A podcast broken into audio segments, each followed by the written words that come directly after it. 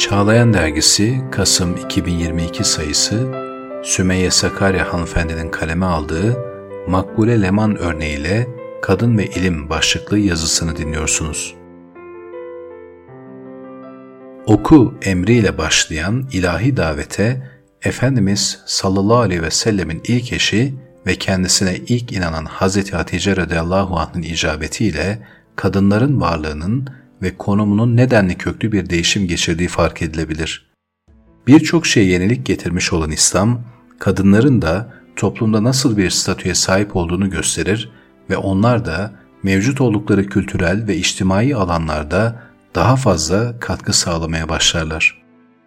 Bu semavi dinin gelmesiyle cahiliye devrinde diri diri toprağa gömülen kız çocukları istikbalde birer anne olur ve cennet onların ayaklarına serilir. Kur'an-ı Kerim'de ilimden bahseden veya ilme teşvik eden 750 ayet hem kadına hem erkeğe indirilmiştir. Aslında mizaç bakımından farklı olsalar da irade sahibi oldukları için sorumluluk bakımından erkekle kadın arasında fark yoktur. Ayrıca Efendimiz de kadını ve erkeğiyle bütün insanlığa gönderilmiş bir peygamberdir.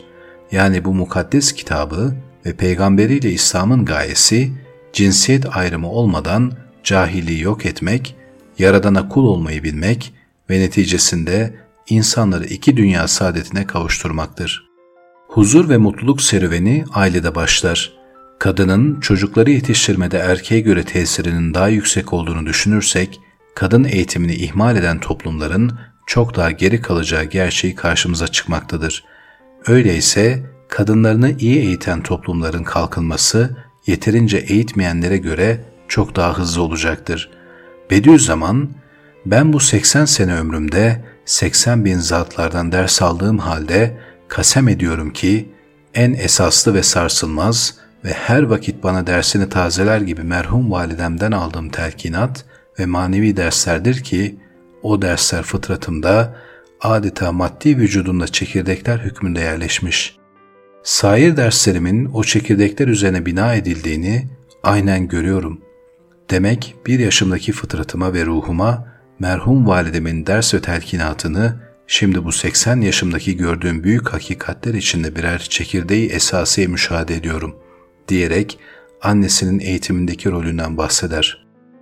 Asr-ı Saadet'te kadınlar eğitim faaliyetlerinin içerisinde yer alır ve Efendimiz sadece erkekleri değil kadınları da ilme teşvik ederdi. İlmi olan istidadıyla bilinen Ayşe validemiz radıyallahu anh'ın yanında Hazreti Hafsa radıyallahu anh da yer alırdı. Allah Resulü sallallahu aleyhi ve sellem Hafsa annemize okuma yazma öğrenmesi için Eşşifa bint Abdullah el-Adeviye'den ders aldırmıştır. Asıl ismi Leyla iken hastaları tedavi bilgisi ve hizmetleri olduğundan şifa diye tanınır. Döneminde okuma yazma bilen kadınların sayısı az olduğundan kadınlara yönelik eğitim faaliyetleri yürütmüştür. Hazreti Hafsa dışında daha birçok sahabi hanıma okuma yazma öğretir. Şifanın vesilesiyle Hafsa annemiz İslam'da ilk yazı öğretmeni ünvanına nail olur. Hadis rivayetlerinde bulunan başta Hazreti Ayşe olmak üzere 122 hanım sahibi mevcuttur. Kadın sahibiler dışında Kütüb-i Sitte'de rivayeti bulunan kadınların sayısı 103'tür. Hatta daha sonraki asırlarda da kadınların ilim meclislerinde muallimelik yaptığı anlaşılmaktadır. İbn Asakir, Tarihu Dımaşk adlı eserinde ders aldığı 1300 civarında hocanın arasında bir kısmı da muhaddis olan yaklaşık 80 kadın hocanın da isimlerini vermektedir. İlerleyen dönemlerde kadınların bu faaliyetleri sekteye uğramaya başlar. Bu durumun dinin hükümleriyle alakası olmadığı açıktır. Eski Türk geleneğinde de kadın, erkeğin yanındaki güç kaynağı olarak bilinir.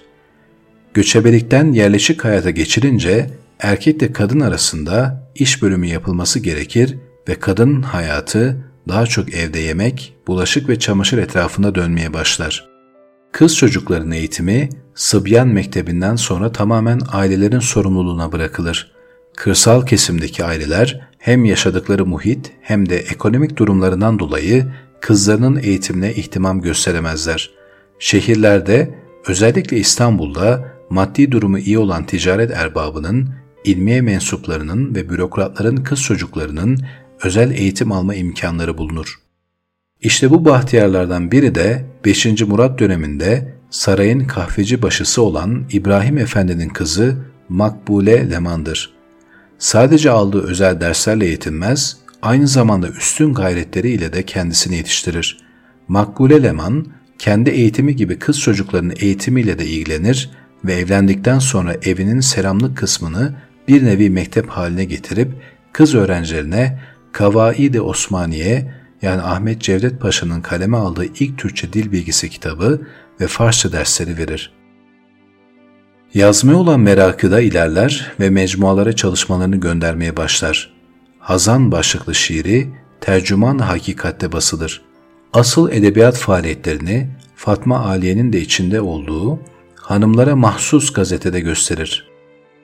Çocukluğunda başlayan, sonraları daha da ilerleyen hastalıklarına rağmen ilimden kendini alıkoymayan Makbule Leman, 34 yıllık ömrüne şiirlerinin yanı sıra denemeler ve hikayeler de sığdırır. Sağlığında 12 şiiri yayımlanır. Bu kısacık ömründe şefkat nişanı ile taltif edilir. Vefatından sonra da eşi Mehmet Fuat, tür ayrımına bakmaksızın yazılarını ve şiirlerini Makisi Hayal, Hayalin Yansıması 1896 adıyla bir araya getirmiş ve Makbule Leman hakkında yazılanlarla birlikte neşretmiştir. Şiirlerinin arasında en tanınan ve sevilen Kadınlık adlı şiiri olmuştur. Kadınlık, ruhu manayı fazilet, kadınlardan gelir efkara vüs'at, nezaketler içinde bir metanet, nümayandır kadınlarda hakikat. İki hemşiredir iffet ile zen, vefadari, nezahet, hüsn ahlak, cihanda hep bu ehsas latife, emanettir bu mahluk zayıfa. Şiirde kadının değerinden ve faziletinden bahseder. Kadının aile içindeki temel değerleri korumasıyla metanet ve nezaketi özdeşleştirir. Ayrıca kadının vücut zayıflığı ile kadınlık kıymetlerini koruma kuvveti olan iki tezat durumu birleştirir. Makbule Leman önceleri Leman mahlasını kullanmıştır. Eserleri o kadar beğenilmiştir ki bu kadın imzasının gerçek sahibinin erkek olduğu düşünülmüş, hatta Muallim Naci'nin takma isimlerinden biri olduğu sanılmıştır. Kadınlar ilim tahsil etmenin yanı sıra eser yayımlarken de zorluk çekmişlerdir. O zamanki anlayışa göre kadınların entelektüel anlamda erkeklerden üstün olması neredeyse imkansızdır. Yayın evleri eleştiri ve sorunlarla uğraşmak istemezler.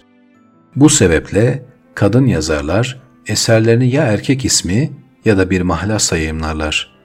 Bunlardan birisi de Fatma Aliye Hanım'dır. Çeviri olan Meram adlı romanını bir edibe imzasıyla neşreder. Bu durum sadece Osmanlı'da değil, Batı'da da mevcuttur.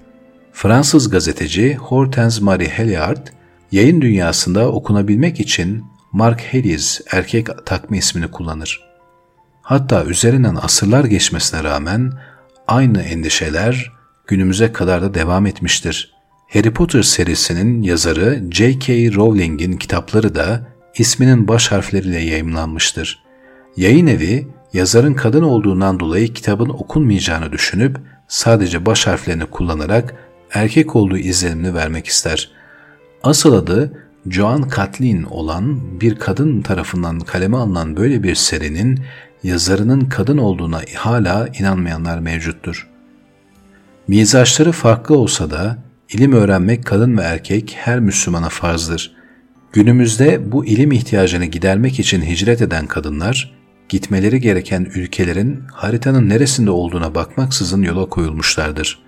Kimisi Orta Asya'ya, kimisi Uzak Doğu'ya, kimisi de Afrika'ya. Aslında kadının eğitimi toplumun da kalkınmasıdır. Şemseddin Sami de bir misalle kadına verilen eğitimin önemini vurgular. Kadınlara verilen terbiye, evlat ve ahvadına yani torunlarına sirayet eder.